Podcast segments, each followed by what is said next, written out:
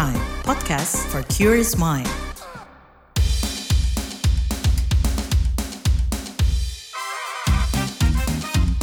What's Trending KBR Pagi, siaran pagi radio paling update. Kamu mendengarkan What's Trending edisi khusus yang hadir setiap Jumat. Saya Don Brady. Tahun ajaran baru akhirnya dimulai.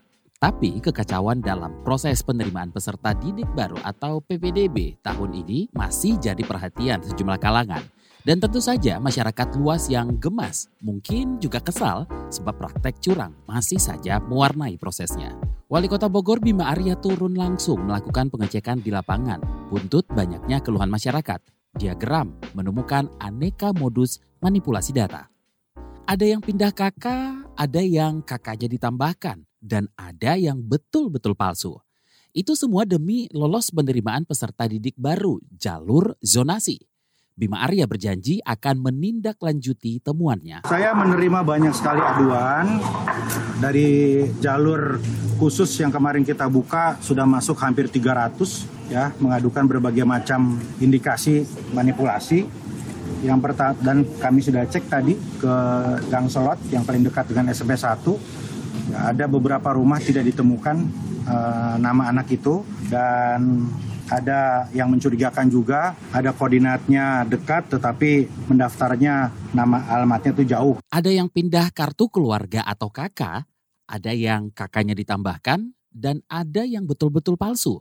Itu semua demi lolos penerimaan peserta didik baru atau PPDB jalur zonasi. Bima Arya berjanji akan menindaklanjuti temuannya. Jadi saya kira ini betul-betul ada permainan dan sesuai dengan kewenangan saya uh, yaitu untuk SD ke SMP akan kita lakukan investigasi menyeluruh. Uh, besok saya akan ke Dukcapil, akan ke Disdik. Ya, kita akan audit semua sistemnya, bagaimana menentukan koordinat, bagaimana memverifikasi kartu keluarga, itu penting ya. Jadi sekolah, Disdik, Dukcapil akan kita audit semua. Ya bagi saya keterlaluan ya kalau masih ada yang main-main dengan uh, masa depan orang. Sebanyak 297 calon siswa SMP diketahui menggunakan data kependudukan palsu demi mendaftar melalui jalur zonasi. Bukannya mendapatkan sekolah yang diinginkan, calon siswa SMP ini justru didiskualifikasi. Seperti juga Bima Arya yang khawatir, kita tentu tidak mau kalau tiap tahun perjuangan untuk sekolah adalah mencari lokasi, bukan untuk prestasi. Dugaan dari Wakil Wali Kota Bogor, Dedi Arahim, Sumber kekacauan ini adalah akibat mudahnya mengurus data kependudukan. Kemudahan ini digunakan untuk berbuat curang. Hmm, bagaimana menurut Anda? Usai jeda, saya akan ngobrolin persoalan ini bersama News Editor KBR, Wahyu Setiawan. What's Trending KBR Pagi, siaran pagi radio paling update. Balik lagi di What's Trending edisi khusus setiap Jumat. Kita sedang membahas soal kekacauan PPDB tahun ini. Saya sudah bersama News Editor KBR Wahyu Setiawan. Anda termasuk yang tahun ini ikut sibuk cari sekolah untuk anak, Wahyu? Hmm, belum Don, anak saya masih balita, tapi agak gelisah juga sih lihat tetangga saudara yang cukup kelabakan ya uh, cari sekolah di PPDB tahun ini. Nah terkait persoalan manipulasi dan pemalsuan data ini, Perhimpunan Pendidikan dan Guru atau P2G itu mendesak Kemendikbud Ristek RI mengevaluasi sistem penerimaan peserta didik baru secara menyeluruh. Lantaran pelaksanaan PPDB dianggap P2G sudah melenceng dari jalurnya. Bagaimana bantuan redaksi soal kekacauan PPDB tahun ini Wahyu? Ya, migrasi domisili melalui kartu keluarga memang menjadi persoalan klasik ya Don setiap tahunnya ya. Selain yang di Bogor ini, kasus-kasus serupa juga pernah terjadi seperti di Jakarta, kemudian Jawa Tengah, Jawa Barat, ada juga di Jawa Timur, Don. Dan umumnya uh, terjadi di wilayah yang punya sekolah dalam tanda kutip unggulan begitu ya. Yang katanya sih favorit orang tua murid begitu. Kalau dilihat sih agak miris ya. Jadi mungkin ini yang disebut uh, segala cara ditempuh oleh orang tua sampai rela menitipkan nama anaknya masuk ke kartu keluarga orang lain, Don. PPDB kan ya sudah dilaksanakan sejak tahun 2017 nih ya. Dan tiap tahun ada masalah yang sama. Apa memang hal-hal yang bisa jadi celah perbuatan curang itu nggak bisa diantisipasi atau gimana nih Wahyu? Misalnya soal aksi pindah domisili. Sebenarnya persoalan pindah domisili itu sudah diatur di Peraturan Menteri Pendidikan, Kebudayaan, Riset, dan Teknologi. Jadi ada aturan yang menyatakan domisili calon peserta didik itu berdasarkan alamat pada kartu keluarga yang diterbitkan paling singkat satu tahun sebelum tanggal pendaftaran PPDB Don. Jadi artinya ini emang dimungkinkan secara aturan selama perpindahannya tidak kurang dari satu tahun. Nah saking kacaunya nih ada dorongan juga kemudian agar PBDB jalur zonasi itu dihentikan saja Wahyu. Ya sebenarnya perlu kita ingat ya niatan awal PPDB sistem zonasi itu apa? Tujuannya kan untuk pemerataan kualitas pendidikan. Jadi meningkatkan kualitas seluruh sekolah agar sama-sama berkualitas baik guru, sarana prasarana, kurikulum dan standar lainnya begitulah. Biar gak ada lagi tuh cap-cap sekolah favorit atau sekolah unggulan. Sementara kalau ada cap seperti itu sekolah lainnya tersingkir dan dianggap second class begitu. Nah, Bagaimana kalau gelar sekolah unggulan ini ngaruh ke siswanya juga? Jadi nanti bakal ada pelabelan terhadap anak-anak yang dianggap pintar atau tidak. Nah, apa itu barometernya? Balik tadi ada cap sekolah unggulan atau favorit.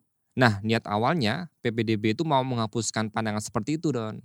Kalau Federasi Serikat Guru Indonesia atau FSGI menyebut manipulasi data dengan cara pindah kartu keluarga itu nggak akan mudah terjadi jika sistem kependudukannya ketat melalui mekanisme kontrol aparat kelurahan, kecamatan, terus juga dinas dukcapil. Benar nggak tuh Wahyu? Iya benar. Jadi FSGI memang menilai kalau permasalahan kependudukan dan penyebaran sekolah yang nggak merata pada awalnya memang menjadi persoalan tertinggi Don. Namun seiring berjalannya waktu hal tersebut sedikit demi sedikit dapat diatasi oleh sejumlah daerah ya, nggak semua. Di antaranya dengan memperkuat sistem di Dukcapil agar nggak ada lagi tuh manipulasi terkait data kependudukan. Jadi kalau kota Bogor masih mengalaminya, maka kepala daerah dirasa perlu mengevaluasi jajaran kelurahan, kecamatan, hingga Dukcapil.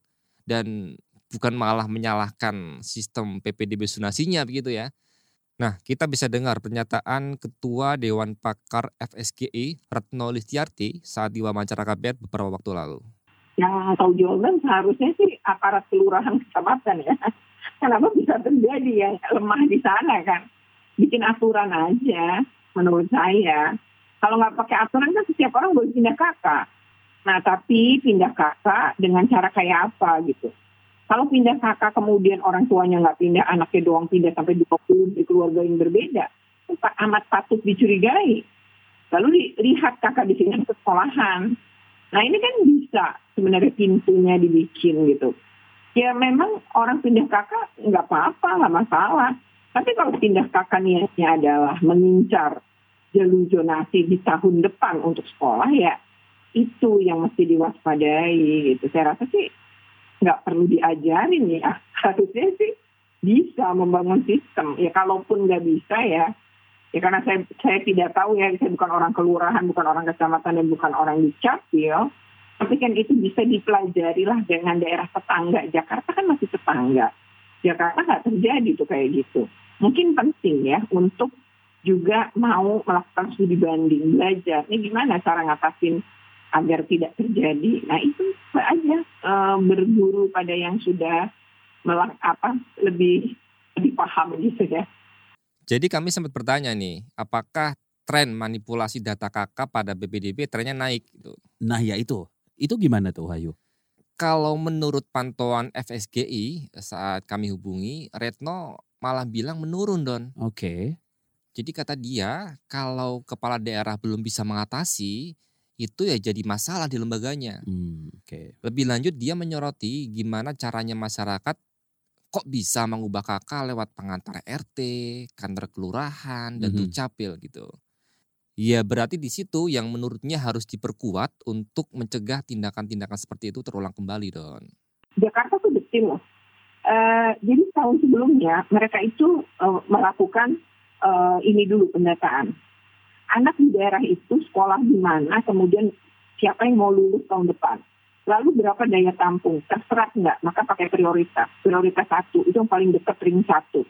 Lalu ada prioritas dua, jika RT-nya tidak sama dengan RT sekolah, kelurahannya bukan kelurahannya sekolah itu gitu. Tapi kita dekat sama sekolah itu, itu juga nggak bisa kalau RT-nya beda. Jadi misalnya saya dekat sama SMK 33, tapi saya nggak nggak satu RT tidak se RT dengan itu sekolah. Saya satu RW dengan sekolah itu, tapi tidak satu RT. Maka yang satu RT prioritasnya lebih dapat. Nah itu nggak pakai jarak kalau DKI. Jadi menggunakan prinsip tadi, RT terdekat dengan sekolah maka prioritas satu. Nah kenapa DKI melakukan itu? Karena kalau pakai jarak DKI nggak bisa. Karena kan banyak rumah susun, banyak apartemen. Kalau menggunakan jarak kan di titik apartemen dan rumah susun itu, berarti udah habis dong sama anak di situ. Kalau kita pada titik itu, maka DKI ini kalau ada rumah susun, mereka dapat prioritas tempat dua, dua rombel atau dua rombongan belajar. Misalnya satu rombel adalah 36, maka anak di wilayah itu jadinya dapat 36 kali dua. Gitu. Itu cara DKI melakukan. Jadi perlu muter otak memang kepala daerah butuh kreatif untuk bisa memenuhi gitu. Oke, kalau dari kasus di Bogor, yang terbaru Wali Kota Bima Arya mengklaim akan ke Disduk Capil dan akan ke Disdik. Pihaknya mau mengaudit semua sistemnya nih, bagaimana menentukan koordinat, juga bagaimana memverifikasi kartu keluarga. Jadi si Disdik dan Disduk Capil bakal diaudit semua. What's Trending KPR Pagi, siaran pagi radio paling update. Kembali lagi di What's Trending edisi spesial setiap Jumat. Kita sedang membahas soal kekacauan PPDB jalur zonasi. Masih bersama News Editor KBR Wahyu Setiawan. Ketua DPRD Kota Bogor Atang Trisnanto meminta pemerintah untuk tegas dan serius. Penertiban dan penelusuran titip KK ini, kalau kata dia sebenarnya mudah diselesaikan. Tracking datanya juga mudah dijalankan jika memang ada keinginan serius pemerintah untuk menyelamatkan sistem pendidikan di masa depan. Pihaknya bakal mendorong agar Pemkot Bogor segera membangun unit sekolah baru di Kota Bogor agar masyarakat tidak perlu berebutan bersekolah di sekolah negeri. Langkah berikutnya adalah program penguatan sekolah swasta yang berkualitas dan biayanya terjangkau oleh masyarakat. Wahyu? Iya Don. Dan sebetulnya Pemkot Bogor juga sudah menanggapi kasus ini dengan beberapa langkah yang akan mereka tempuh ke depannya awalnya dengan memintakan kondisi seperti seberapa banyak sih praktik perpindahan kakak. Ada di mana saja dan siapa saja yang melakukan. Lalu Wakil Wali Kota Bogor, Dedi Arahim juga memastikan pindah domisili nggak bakal semudah itu ke depannya. Ini dia pernyataannya. Nah, kita juga uh, berkeinginan tentu wilayah juga tidak serta-merta memberikan kemudahan ya terkait dengan hmm. yang namanya apa uh, pindah domisili itu semudah itu. Apalagi memang kan ini sudah ada modusnya bahwa tujuannya satu tahun sebelumnya mereka melakukan perpindahan domisili ini adalah untuk bisa masuk ke sekolah yang terdekat dengan domisili baru mereka ini. Tapi yang paling penting harus diutamakan ya pendidikan dan masa depan anaknya dong Wahyu. Pendidikan itu adalah hak setiap anak. Inilah yang kita harap jadi dasar tiap pengambilan keputusan nanti, yang mana tidak hanya dinas pendidikan yang terlibat, tapi juga dinas kependudukan dan catatan sipil. Iya betul Don, ini juga diakui sama Wakil Wali Kota Bogor, Kang Dedi. Jadi kata dia anak-anak yang sudah pindah domisili tetap harus sekolah juga. Jadi harus ada kejelasan satu sang anak gitu. Dan dia juga mengakui ini bukan persoalan yang mudah, tapi ya harus diselesaikan. Setidaknya ada dua masalah di daerah yang harus diselesaikan agar PPDB jalur zonasi ini bisa berjalan lancar, Don. Mm -hmm. Yaitu pemetaan jumlah anak usia sekolah yang sedang mengikuti PPDB dan daya tampung yang tersedia di sekolah. Ini merupakan hasil evaluasi dari pelaksanaan PPDB sebelumnya mengutip dari situs Kemendikbud. Nah, oleh karena itu pemerintah pusat juga mengapresiasi kinerja pemerintah daerah yang mampu menghitung dan memenuhi daya tampung serta mutu yang baik merata di seluruh sekolah. Oke lah ya mengapresiasi nih, tapi apa tidak ada rekomendasi langkah soal kesulitan pendataan tadi? Kemendikbud sebetulnya merekomendasikan agar pemerintah daerah bisa berkoordinasi dengan Dinas Dukcapil dan Badan Pusat Statistik Daerah. Mm -hmm. Jadi koordinasi itu dilakukan untuk mengatasi permasalahan PBDB jalur zonasi, Ron. Oke. Okay. Dirjen PAUD Dikdasmen di Kemendikbud, Iwan Syahril, mengatakan rekomendasi ini berdasarkan beberapa praktik baik yang sudah dilakukan oleh berbagai daerah. Pemerintah daerah dapat berkoordinasi dengan Dinas Dukcapil dan Badan Pusat Statistik Daerah untuk dapat menganalisis calon peserta didik baru yang akan lulus dari sisi domisili dan ketersediaan daya tampung, serta melakukan verifikasi validasi keabsahan kartu keluarga. Dengan kata lain, dari beberapa daerah sebelumnya juga mengalami hal yang sama, permasalahan ini merupakan peluang untuk melakukan perbaikan sistem perbaikan sistem integrasi data dari Dukcapil dengan data-data lainnya sehingga sekolah bisa mendapatkan data yang terverifikasi dan tervalidasi. Iwan menambahkan, Pemda juga bisa melibatkan inspektorat daerah untuk menindak pelanggaran terhadap kartu keluarga. Selain itu, Don, Pemda juga bisa bikin komitmen bersama atau semacam fakta integritas begitulah ya. Siapa aja yang terlibat? Nah, saran dia mulai dari kepala sekolah, LSM, tokoh masyarakat, supaya pelaksanaan PPDB ini bebas dari kecurangan, Don. Oke, kita tunggu nih perbaikan-perbaikan ke depannya. Sekian What's Trending kali ini. Saya Don Brady dan News Editor Wahyu Setiawan pamit. Sampai jumpa Jumat pekan depan.